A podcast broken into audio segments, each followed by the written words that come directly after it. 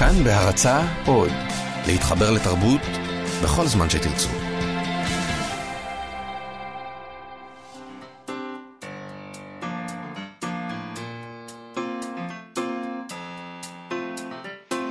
מה שכרוך עם יובל אביבי ומה יעשה לה.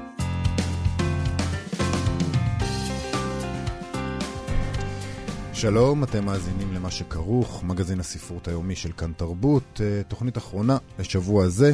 אה, אפשר להאזין לנו ברדיו, באינטרנט וגם באפליקציה החדשה. כאן עוד, חפשו כאן אודי בחנויות האפליקציות, תוכלו להאזין לנו בשידור חי וגם בשידור חוזר, וכמובן לכל שאר התכנים של כאן. אה, התוכנית שלנו גם עולה לעמוד הפודקאסטים של כאן תרבות, לצד כל שאר התוכניות של כאן תרבות. איתנו באולפן, מיטל כהן וחן עוז. ואת, מה יעשה לך? שלום. שלום וברכה, נזכיר שאפשר לשלוח אלינו מסרונים בטלפון 055-966-3992. אפשר גם לשלוח אלינו הודעות בעמוד הפייסבוק שלנו, אה, ששמו הוא מה שכרוך עם יובל אביבי ומה יעשה לה. אה, היום, אה, מלבד דברים שבהם נעסוק בהרחבה כאן, ט"ו בשבט. לכבוד הדבר הזה, אנחנו נדבר עם פרופסור אמוץ דפני ועם סאלח אקל ח'טיב, שיספרו לנו על הקשר התרבותי והספרותי אה, אה, לצמחים שמקיפים אותנו. אה, יצא הספר שלהם בשנה שעברה, צמחים, שדים ונפלאות, צמחי ארץ ישראל בפולקלור. אני חייבת, אני חייבת להגיד ש... זה ספר מדהים, באמת, יוצא מן הכלל. נכון, תענוג. ספר יפהפה. Uh, בטח uh, עבור אדם כמוני שחי בעיר כל החיים שלו, וכשהוא קורא את הספר זה מרגיש פשוט מנותק מכמה דברים מאוד חשובים בחיים האלה. למה? להפך, יש בזה משהו מנחם. אין בזה, מנחם, אומר, כי אתה, כי אתה חי- לומד משהו. אבל לא, גם כי אתה אומר לעצמך, אני חי, גם אני חי בתוך הטבע. יש שם דברים שיש מסביבנו גם כן. אבל אנחנו חסרי, אנחנו לא רואים אותם. נכון, זה קצת רמייה עצמית, אבל זה בסדר. אוקיי, מה שעוזר לך ל...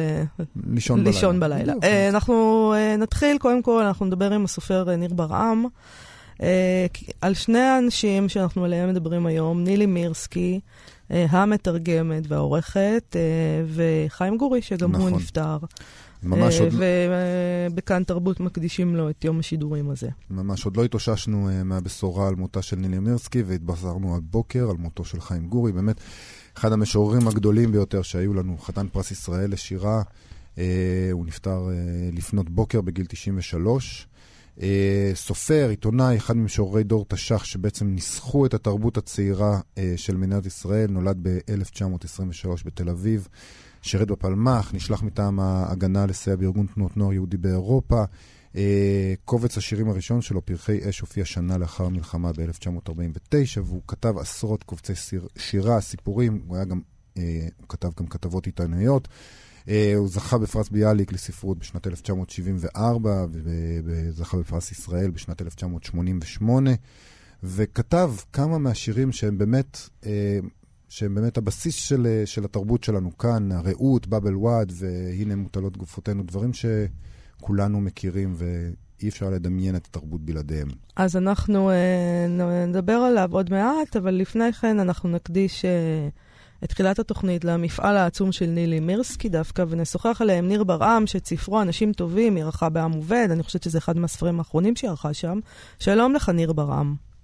שלום. אה, ספר לנו על הקשר שלך עם אה, נילי מירסקי. איך זה התנהל הדבר הזה? אה, קודם כל, אני רק רוצה לומר שהיא ערכה את הספר ביחד עם תרזה ברון פריד, שגם הספידה אותה בהלוויה באופן מאוד מרגש, והייתה בעצם בת טיפוחיה, אוקיי. שזה מושג שלא הכרתי בהמולות עד שפגשתי את נילי פעם ראשונה, שנילי נילי בעצם גם גידלה אנשים עורכים, גם קצת מתרגמים. אה, אני הכרתי את ה... אה, כשהתחלתי לעבוד בעם עובד, אבל אף פעם לא דיברתי איתה בשש שנים הראשונות, נראה לי. באמת לא החלפתם מילה? לא. למה, אה, פחדת ממנה? תראה, נילי היא. אחד האנשים היחידים שאני יכול להגיד שבאמת הערצתי, אוקיי. אה, מגיל צעיר. חשבתי שהיא גאון מהתרגום הראשון שלה שקראתי, שזה היה סיפורים פטרבורגים של גוגל, ותמיד הייתה לי יריעה מפניה. והכרתי אותה דרך אנשים טובים שהיא קראת אותו ביד, והיא בעצם החליטה לקבל אותו לעם עובד. אה, וזה באמת גם ספר שמאוד התאים לה, בגלל שהוא היה בעצם ספר שמדבר קצת רוסית וגרמנית, שזה כן. השפות שנילי מתרגמת משתיהן באותה רמה. שזה גם דבר אה, מדהים. בלתי נתפס כמעט. נכון. והיינו בקשר לאורך הרבה זמן בעבודה על הספר. היום הסתכלתי על מיילים ממנה. שחלקם מאוד מצחיקים. ואני שואל אותם המון שאלות על תרבות רוסית ושמות ופניות. יותר מזה אני כותב, היא מתעצבנת, היא אומרת לי, תראה, יש דברים שאתה יכול גם לבדוק לבד. תעשה גוגל, ניר. ניר, אני הסברתי לך 200 פעם איך פונים ברוסית, הרי יש את השם, שם משפחה, מה אתה עכשיו לא מבין? כי זה היה בגלל שדייקנות, זה היה דבר שהיה חשוב לה באופן... באופן נדיר, ביחס בכלל אנשים בתחום הספרות, זה לא נדיר, אבל כמה זה היה חשוב לה. זאת אומרת, אם אתה כתבת לה מייל שבו בשאלה לא דייקת, כי זו בעצם שאלה, כן. אז אתה כתבת מקלחת קרה. אבל אני רוצה להגיד משהו בקשר לנילי שהוא חשוב, שבהלוויה גם עלה, כשיצאנו מהלוויה, מנחם פרי, שמכיר את טוב ממני, והחבר שלה, אמר בדיוק את מה שחשבתי, שבהלוויה דיברו עליה קצת כעורכת. אבל אני לא באמת אהבה מאוד לערוך. כן. זו הייתה מטלה שהייתה חלק מהמשרה שלה בה עובד. נילי הייתה מתרגמת גדולה, וזו הייתה התשוקה העיקרית שלה. אתה הרגשת באיזשהו אופן את העובדה שהיא לא אהבה להיות בפוזיציה של העורכת? רק שהיא כתבה לי שהיא עכשיו עסוקה בתרגום האחים קרמזו, וזה... כאילו, אל תבלבל את המוח עכשיו עם השטויות שלך. לא, קודם כל אני לא הרגשתי, כי נילי, אגב, זאת אומרת, בתחילת עבודה היא תמיד הייתה פנויה, היא תמיד ענתה לכל השאלות שלי, היא קראה את הספר, דיברנו עליו הרבה וכולי, ואתה מרגיש מהתשוקה של בן אדם בלי לדבר איתו הרבה, אתה יודע, כשנילה השוותה את התרגום לנגינת פסנתר, שאתה מקבל את התווים, אתה צריך למצוא מוזיקה, אתה צריך למצוא מנגינה. כן. תחשוב איזה אתגר מטורף זה לתרגם את האחים קרמזו, או לתרגם את uh, תומאס מן בעברית, למצוא את המוזיקה, את השפה, למצוא פתרונות בעברית שהיא שפה קצרה למשפטים ארוכים בגרמנית. זאת אומרת, זה ברור שכשמסתכלים על התרגום שלה, זה, זה באמת סופרת ישראלית, סופרת עברית, שהכניסה למחזור אדם של הספרות העברית, הקלאסיקות הכי גדולות בספרות העולמית, ובאמת, פחות או יותר באותה רמה שהם נכתבו כמעט. זה מעניין, כי, כי דווקא היא אמרה, לדעתי, קראנו אתמול, שהיא אמרה ש, שמלאכת התרגום היא בלתי אפשרית.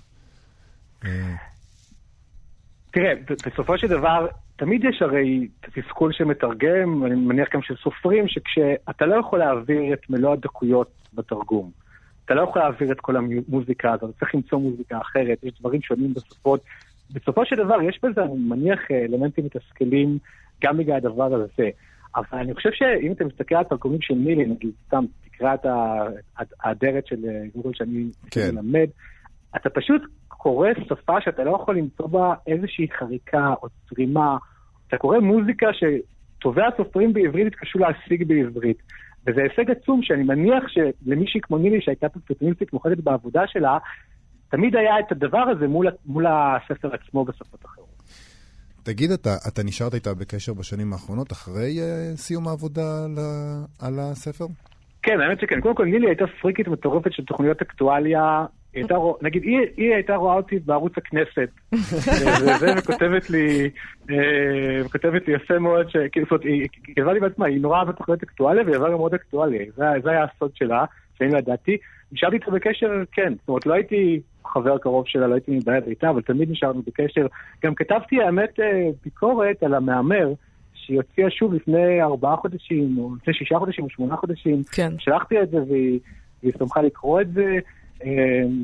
סתם, זה סתם אנקדוטה שנגמרה העבודה, גם שלחתי זר פרחים משוקולד.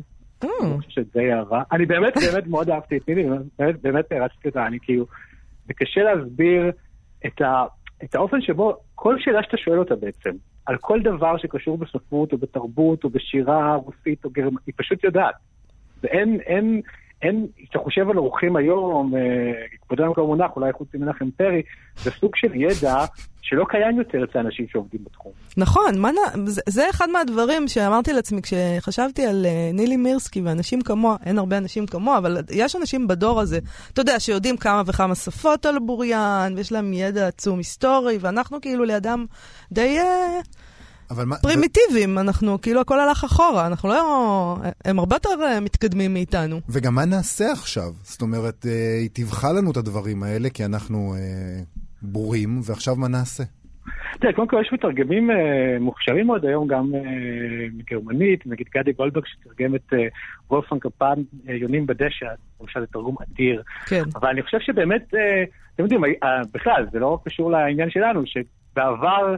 התמחית או התעניינת בנושאים רבים והיית איש העולם. היום הכל מקצועני, אני יודע לתרגם uh, גרמנית, אני יודע לתרגם שירה סינית. זאת אומרת, סוג האינטלקטואלים גם שהיו פעם, שהבינו בפיזיקה ופיזיקה ובקולנוע ובספרות ועוד מיליון תחומים בפוליטיקה וכלכלה, הם יותר נדירים היום, גם בגלל המקצוענות הזאת, אבל הקטע של נילי זה שמעבר לידע, יש הרבה אנשים שיודעים המון דברים uh, בספרות, יש הרבה אנשים שיודעים המון דברים בספרות ולא מבינים כלום בספרות.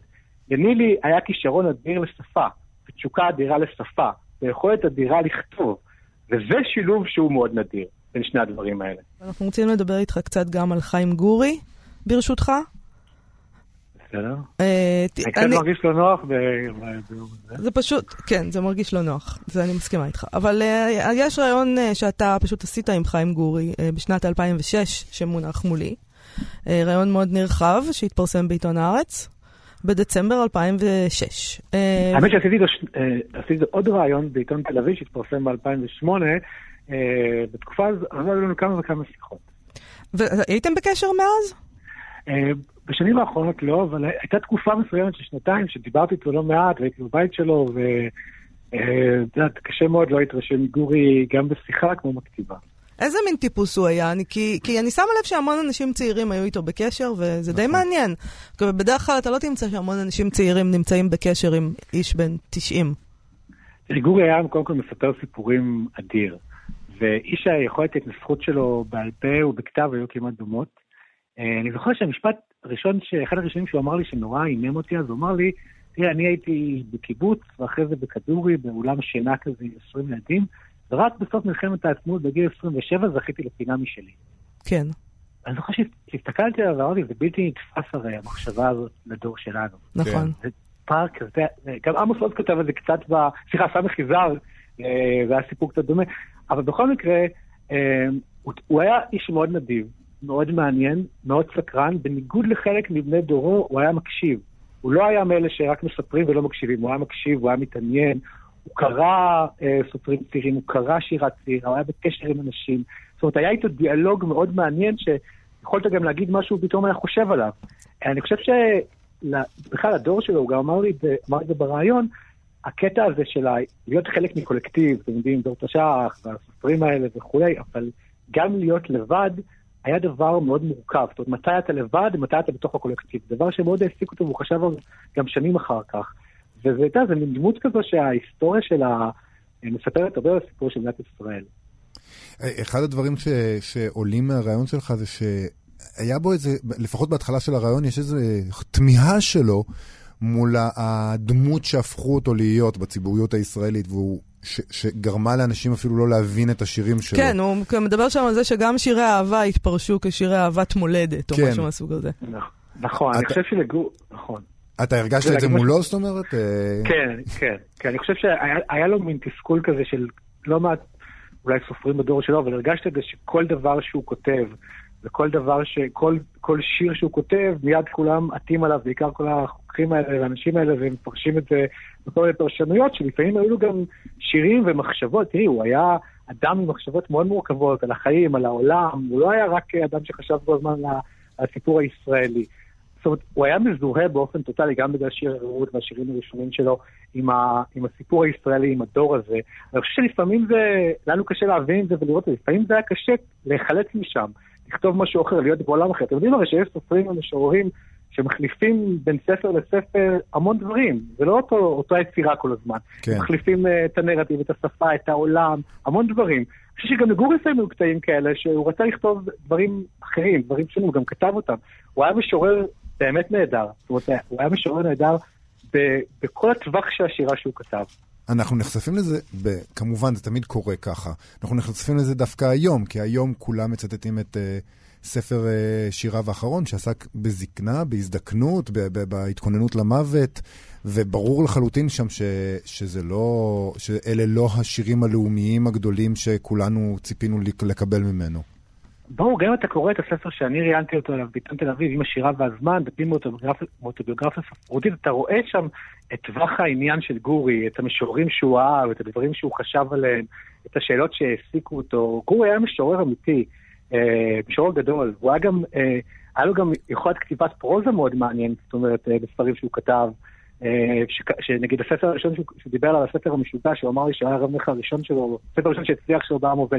זאת אומרת, לגורי היה טווח מאוד רחב של, של, של, של כתיבה. ואני חושב שאחד הדברים שמאפיינים את גורי באמת, שהוא כן, הרגשת שהוא משתנה מספר לספר, לא בין כל ספר, אבל שהוא כן משתנה. והדברים שהעסיקו אותו בש, בשנים האחרונות, אני חושב, מה שאני ראיתי ב-2008, היו באמת שאלות של, של מה אני משאיר אחריי, התקרבות לזקנה, מה זה להיות משורר בעידן הזה, מה כתבתי, מה עשיתי. אני חושב שהיה לו קטע פוליטי די מורכב עם הסיפור של ה-60 של התמיכה בתנועת ארץ ישראל השלמה. אני חושב ששם היה איזה דבר שגורי לא פתר לגמרי בתחילת השיחה הציבורית שלו. למה הכוונה? זאת אומרת שגורי, אם אתה קורא מאמרים וטקסטים, אז הוא בעצם נתפס כאחד מאלה שתמכו בתנועת ארץ ישראל השלמה, הוא אמר שהוא לא באמת תמך בה, אה, אבל הוא היה קרוב לאזור הזה, אומרת, הוא היה מאלה שמן הסתם קצת התפעמו ממלחמת 67, כמו רוב האנשים האלה, ואני חושב שאני לא מדבר על, לא רוצה לדבר על חרטה וכולי, אבל גורי, מצד אחד, הוא גם אמר את זה ברד, היה מאוד גאה בהישגי הציונות. מאוד גאה בהקמת המדינה, שנתיים וחצי אחרי מלחמת העולם השנייה, אה, בהקמת המדינה, בדור שלו, מה שהוא הצליח לעשות, הם עשו דברים אדירים. לצד זה, הוא הרגיש מורכבות מאוד גדולה עם מה שקרה אחר כך, עם הכיבוש, עם הפלסטינים וכולי, ויש דברים בעבר שלו, מן הסתם, שהם יותר מורכבים בראייה היסטורית, של 20-30 שנה אחרי זה, וזה הדבר מורכב אצלו. העניין הפוליטי של גור היה מאוד מעניין, כי היה קשה מאוד לקטלג אותו. הוא לא היה מאלה שאתה יודע מה הם יגידו. אני חושב שהוא כל הזמן חשב על זה, כל הזמן השתנה עם זה קצת. ניר ברם, תודה רבה לך על השיחה הזאתי. אמ, תודה. תודה רבה לכם, ואני מקווה שאני אתראה בזמנים יותר טוב. בהחלט, להתראות. אה, אני רק אגיד שההלוויה של חיים גורי תתקיים מחר. ב-13 בהר המנוחות בחלקת יקירי העיר ירושלים. מחר יום חמישי. אוקיי, היום ט"ו בשבט. ט"ו בשבט, נכון, חג האילנות.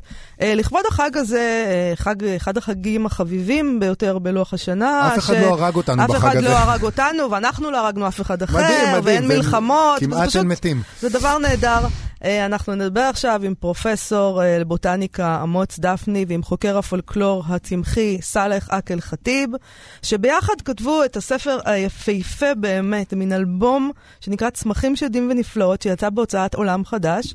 הוא מספר על הפולקלור התרבותי והספרותי של הצמחים מסביבנו. אה, אני חייבת להגיד שזה פשוט אה, גרם לי אושר גדול. יש פה אה, ראשי פרקים, רק mm-hmm. שיובן על מה אני מדברת כאן. צמחים מבורכים וצמחים מקוללים, צמחי גן עדן וגיהנום, אני מקריאה את ראשי הפרקים. שדים, עין הרע וצמחי סגולה, צמחים, מכשפות וכישופים, צמחי ישו ומרים, צמחים אורות, צמחי חשק ואהבה. יש פה פשוט, זה עולם יו, נפלא. הלוואי שזה עובד. הלוואי שכל הדברים האלה צריך לנסות. אה, בוא נגיד שלום לאמוץ דפני ולסאלח אקל ח'טיב, שלום לכם. שלום, שלום. שלום, אהלן. ט"ו בשבט ירוק ושמח. חג שמח לכם. חג שמח. תגידו, אולי אמוץ, נתחיל איתך, איך נוצר החיבור ביניכם? כי את הספרים שלך, אני אגיד לך את האמת, אני מכירה, יש לי אותם בבית ממקודם.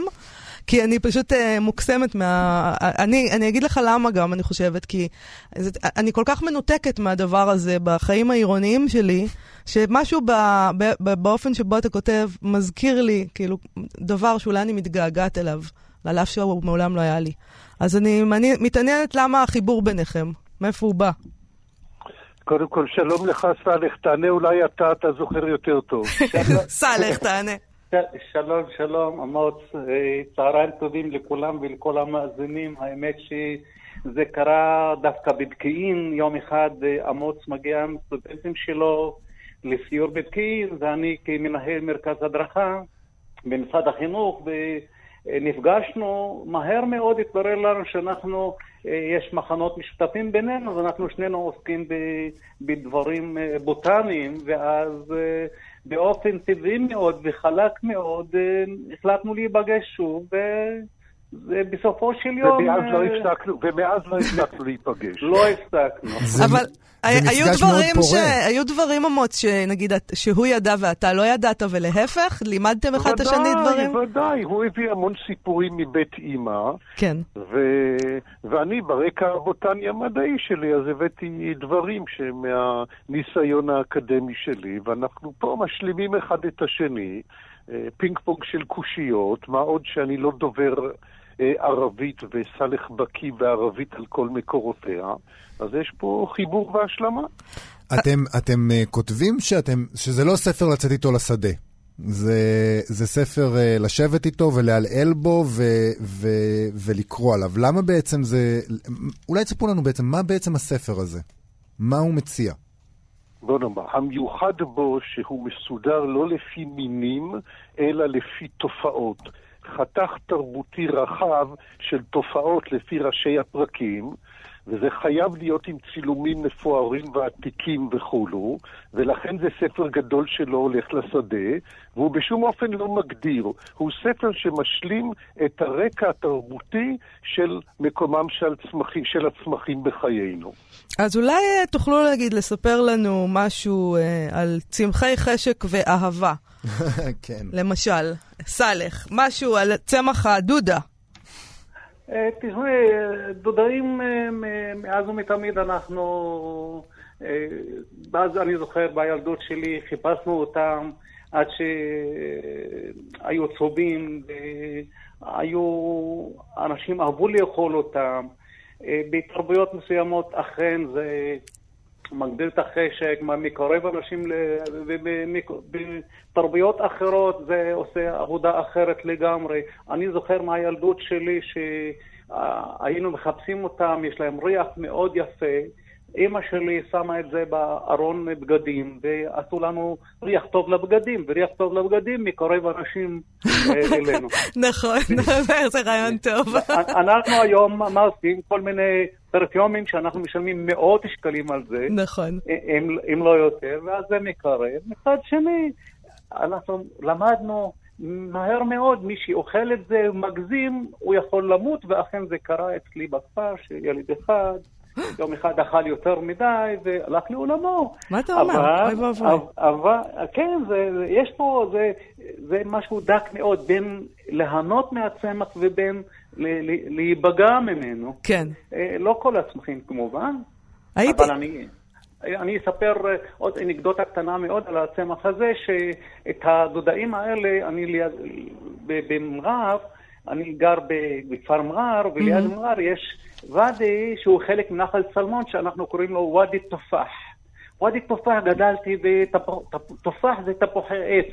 כן. אבל כשהבנתי שמעולם לא היו שם תפוחי עץ, והיו דווקא תופח אל-מג'נין בערבית, תפוח המשוגעים. אוקיי. כי מי שגורם להזיות, ואנשים אה, שהתקרבו, אכלו, טעמו מזה, זה גרם להזיות וטשטש.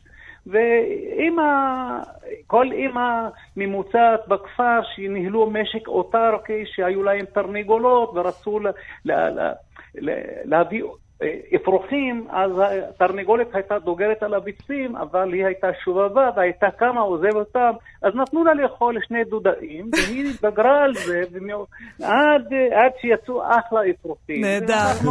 אז יש שימושים שונים כאלה, זה הפולקלור שאנחנו... אה, חיינו אותו, כן. זה בכלל, זה נורא יפה, כי מה שאתה לומד מהספר הזה, זה שאין דבר כזה צמח רע. יש צמחים רעילים, אבל אפשר למצוא אה, משהו טוב בהם, ואחד הסיפורים היפים, שזה הפיג'אן, או הפיגם, פיגם אומרים? אני אומר את זה נכון? פיגם, ש, שהוא כן. בעצם צמח רעיל, ודווקא בגלל זה הוא, אה, אה, אה, נקבות היו אה, מולידות שם את הוולדים שלהם כדי להגן... כן, אה, ממליטות, כן. היו ממליטות שם, ו, אה, ובעצם הצמח היה מגן על הוולדות, וכך הוא קיבל את השם שלו, כי חשבו שיש שם ג'יני שמגן עליהם. כן, פי, קראו לו פי ג'ן, יש בו ג'ין. אז זה, זה לא יכול להיות שטורפים לא יכולים להתקרב לבעלי חיים כזה חלשים, חדשים, שלא מתקרבים אליהם בכלל, רק כנראה יש ג'ין. אז קיבל את השם פייג'ן, ואגב, אחלה תבלין לשים על... אה, זיתים שחורים דפוקים, אמ. שמים כמה עלים של פייג'ן ואחלה טעם. אמוץ, אתה יכול אולי כן. אה, לספר לי על אה, איך אני מכשפת צמחי כישוף, איך אני יכולה להטיל... או להסיר עין הרע, רגע, נגיד? רגע, אז יש לי רק עוד שתי הערות קטנות. בבקשה. לא נמצא שום חומר שמשפיע על מיניות האדם בדודא עם כל הסיפורים, לפי הכימיה המודרנית. אוקיי. זה דבר אחד. דבר שני, בקשר לפיגם, אם אמרנו כשפים, אז זה צמח שכדי שהוא יעזור טוב בכישופים ונגד עין הרע, צריך לחתוך אותו באמצע הלילה במטבע של זהב שהלבנה במילואה. זה לא מנוגד לחלוטין לכל האתוס המדעי? הרי איך אתה מסתדר עם זה כאיש מדע? או, זה סיפור. בוא נאמר, אני איש מדע רציונלי ותעשי, בוא נאמר, את השנים שלי במדע עשיתי בעניינים אחרים. אני חושב שצמחים הם חלק מתרבות, משפה, מאמונות, מדתות, וכעת למשל אני עוסק הרבה בחקר של צמחים בטקסים דתיים בדתות המונותאיסטיות. והחומר שאספנו הוא בסיס למחקרים מסוג זה, וזה בכלל לא מפריע לי. אני גם לא מתייחס לזה חלילה כאמונה תפלה. זהו סיפור עם, זה חלק מהאמונות שלנו, ואם אנחנו נפשפש טוב טוב בטקסים שלנו, נגיע הרבה מאוד לאלמנטים פגאניים, מחושפים או לא רציונליים. זה בדיוק מוביל אותי בדיוק לשאלה הבאה, אה, שאלה שקצת יוצאת מה, מהתחום עיסוק הספציפי של הספר, אבל הרי צמחים ואדמה וחקלאות זה דברים פוליטיים. וכל אחד משתמש בצמחים ובפולקלור שלו כדי לנכס את האדמה הזאת אליו, ובמציאות שלנו זה אחד הנושאים הבעייתיים, ואתם אומרים לא, אתם, יש פה אמירה פוליטית בספר הזה, כולנו פה ביחד, הסיפורים שלנו הם אותו סיפור. אי אמירה, אי אמירה פוליטית. היא אי אמירה. אמירה פוליטית. אה, ב- בדרך ההיפוך, כן. זאת, זאת אומרת, למשל, אם אנחנו מדברים על עצים מקודשים, זה יותר נפוץ בפולקלור הדרוזי והערבי, פחות בנוצרי, והנה בפולקלור היהודי זה הולך ומתפשט בשנים האחרונות דרך יהודי צפון אפריקה שתולים בדים לבקשות בעצים שנמצאים בקברות קדושים ליהודים. יש, אז אנחנו באמת לא מקשרים את זה לפוליטיקה. אז האדמה, האדמה היא פשוט, אה, לא מש... מישהו הולך עליה, ולא, לה לא אכפת כל כך. אני גם חושבת שהאדמה לא כך מתעניינת ב... לא, היא גם תהיה פה, אחרי, אחרי שכל זה ייגמר, היא עדיין תהיה פה האדמה. כן. בדיוק, האדמה, כן, האדמה קיבלה... פורמה האדמה היא שאנחנו יכולים- נצחית ואנחנו בני חלוף. כן, נכון. כן, אנחנו הולכים על זה, ואני הגדרתי את זה בצורה מסוימת שמצא חן בעיני- בעיניי לפחות, שהרי חיינו הם המרחק בין שני זרי פרחים. כן, זר אחד בחדר יולדות וזר אחר ב, ב, על הקבר שלנו. נכון, נכון. אז זה המרחק, זה החיים שלנו, אנחנו צמודים לקרקע, דווקא גם כן יש לנו קשר רב עם בעלי חיים, ואגב בספר ישנם כמה אה, אזכורים של יחס ספר בעל חיים אדם. אבל אה, כש, כשאנחנו עושים סטטיסטית, אנחנו קשורים ל- לבוטניקה יותר מאשר לזואולוגיה, שבעצם אה, אדם כ, כמלקט, תחילת דרכו, זה, זה החיים שלו. אה, דיברנו על אה, אה, אה, עצים קדושים, אה, ולקראת, לכבוד סיום, אה, אני אה, הייתי רוצה, פרופסור אמוץ דפני, אם אתה יכול להקריא לנו שיר, כי לא אמרנו, אבל אתה גם משורר, נכון? כן, אז אם תוכל כן. להקריא לנו שיר שלך בעניין הזה, אני מבינה? כן, בבקשה. מפולת האלון בחורשת הארבעים. אלון קדוש, אלון רב פורות, קרס אל אבותיו. נותר דורות מונה בטפאותיו, שנה אחר שנה, תולדות וקורות. אבות ובנים עולים לכלותו, והאלון ניצב נמלונים. היכה ברק לכלותו, החסון באלונים, אז נכנע לכובד השנים. נהדר, תודה נהדר, רבה לכם. תודה רבה, תודה. אמוץ דפני וסאלח אקל ח'טיב. אה, הספר אה, צמחים, שדים ונפלאות, צמחי ארץ ישראל בפולקלור, יצא בהוצאת עולם חדש, ספר אדיר. ממש יפה. תודה, רבה. חג שמח. תודה חג רבה. שמח, חג שמח, כל טוב. אנחנו בט"ו בשבט, כן, עדיין. כן. אה, יש לנו כאן אה, טקסט מאוד מעניין שכתבה תמר זיגמן בבלוג הספרנים של הספרייה הלאומית. אה, היא, היא, היא חקרה פה כיצד נולד אה, השיר פירות 15, אה, שלג אלירי, אנחנו מכירים את זה יותר כשלג אלירי של נעמי שמר. אה, אז ככה, כן. כך היא מספרת לנו. בשנת 1935 ארזה רבקה ספיר מקבוצת כנרת את מיטלטליה ואת בתה הקטנה נעמי בת החמש, ויצאה למ- למסע אל וילנה שבאירופה. העילה הרשמית לנסיעה הייתה להתרפא ממחלת הקדחת שממנה סבלה. רבקה ובתה נעמי, שזאת נעמי שמר, אה, התארחו בביתם של קרובי משפחה, אחות האב היחידה ברטה, בעלה יחיאל ושלוש בנותיהם. זיכרונות המסע לווילנה נטמעו בנעמי הקטנה, המיידלפון ארץ ישראל, ילדה מארץ ישראל, כפי שנהגה לכנותה דודתה ברטה. תחשוב, זה 1935, זה לא מדינת ישראל, זה ארץ ישראל. מהמם. מקום שבטח הם מדמים, זה מצד אחד ארץ הקודש, מצד שני זה מדבר, צפייה ומדבר. והם בטח צודקים. אה, כן, נכון. שנים יחלפו, בשנת 1976, כותבת תמר זיגמן, תתבקש נעמי שמר לכתוב פזמונים להצגה מסעות בנימין השלישי, שהועלתה בתיאטרון בימות. המחזה מסעות בנימין השלישי עובד ובוים בידי שמואל בונים, אה, והתבוס... והתבסס על ספרו של מנדל למוכר ספרים משנת 1878. אה, השתתפו אז אה, במחזה הזה שחקנים כמו ספי ריבלין, אברהם מור, מתי סרי, יוסי פולק וכולי, דורון נשר. הספר, מסורת בנימין השלישי, המשיך מסורת מסורת בנימינית, אה, וסיפר, אה, אה, מנדלה שם מספר באופן סאטירי את סיפורו של בנימין מאיר בטלון, המבקש לפגוש ביהוד, ביהודים האדמונים מעבר לנהר הסמבטיון. כן, אז עלילת המחזה היא ממשיכה, מתרחשת בעיר בטלון. מהי בטלון? שואל המספר הדובר במחזה, הוא משיב, עיר קטנה באחד המקומות הנשכחים מרגל אדם. וכשנזדמן לשם פעם אחד מעוברי דרך, משגיחים בו מן החלונות ומציצים מן החרכים, משתו, משתוממים ומשתאים. מי הוא זה ומאין זה? בני העיר בטלון, במילותיו של אה, בנימין, גיבור המחזה, הם אביונים גדולים וקבצנים נוראים כנהוג בישראל. אבל יש להודות שהם אביונים שמחים וקבצנים טובי לב ובעלי ביטחון משונים. יום בהיר אחד. הזדמן לעיר בטלון אורח לא מוכר, רבי יהודה שמו. מה לא פה ומי לא פה ולמה נתכוון בביאתו, מאין רבי יהודה תהו אנשי המקום. מארץ ישראל, קרא אחד מתושבי המקום. הקהל שנאסף הגיב בגיחוך. מארץ ישראל, לא פחות ולא יותר. רבי יהודה מצידו פונה אל הקהל, הוציא מתרמילו תמר, הניף אותו אל על ואמר, והרי סימן בידי, תמר מארץ ישראל. הקהל הנדהם אוחז בתמר, אחז בתמר, מעביר אותו מיד ליד כלא מאמין. זהו, זה כל מה שצריך, תמר מקסים. אחד. תמר מקסים. בודד מארץ ישראל, וזו הוכחה מספקת. כפי שאבא שלי קרא לזה, חמישוסר. ככה קוראים, קראו אצלנו בבית לפירות יבשים. חמישה עשר, חמישוסר. אה, זה לא המצאה שלו כמובן, זה ככה יהודים מדברים כשהם זה- מדברים יידיש. מבחינתי זה המצאה שלו. אוקיי. אני לנצח נושא אין את זה איתי עכשיו. גם מבחינתי האמת. כן. אמ, היא ממשיכה ואומרת, המפגש עם רבי יהודה עורר בבנימין את הרצון לצאת בעצמו למסע. אה, באותה שעה נכנס בי הרוח, ועוררה בי, עוררה התשוקה לנסיעתי שהייתה הולכת ומתגברת בי מיום ליום. סיפורי המעשיות הנפלאים ביהודים האדמונים מעבר לנהר הסמבטיון, ועשרת השבטים נכנסו עמוק עמוק בליבי.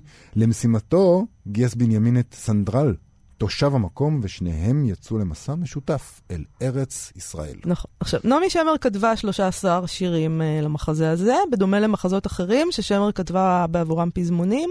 כמה משירי המחזה פרסו כנף אל מעבר לגבולות המחזה והפכו למוכרים בזכות עצמם. Uh, אז ביניהם שירים כמו סימן שעוד לא הגענו, uh, שירת העשבים, טוב, שירת העשבים זה רבי נחמן, בכל זאת, והשיר פירות 15, או בשמו הנוסף שלג אלירי, שנכללו במחזה מסורת בנימין, וזה הטקסט, שלג אלירי, כל הלילה נח. אני ממש מתאפקת לא לשיר פה, כי אני... תשירי. אני לא יכולה. בבקשה. אני לא יכולה לעשות את זה לציבור. שלג אלירי, כל הלילה נח, אל ארצות החום אהובי הלך. שלג אלירי והלילה קר. מארצות החום לי יביא תמר.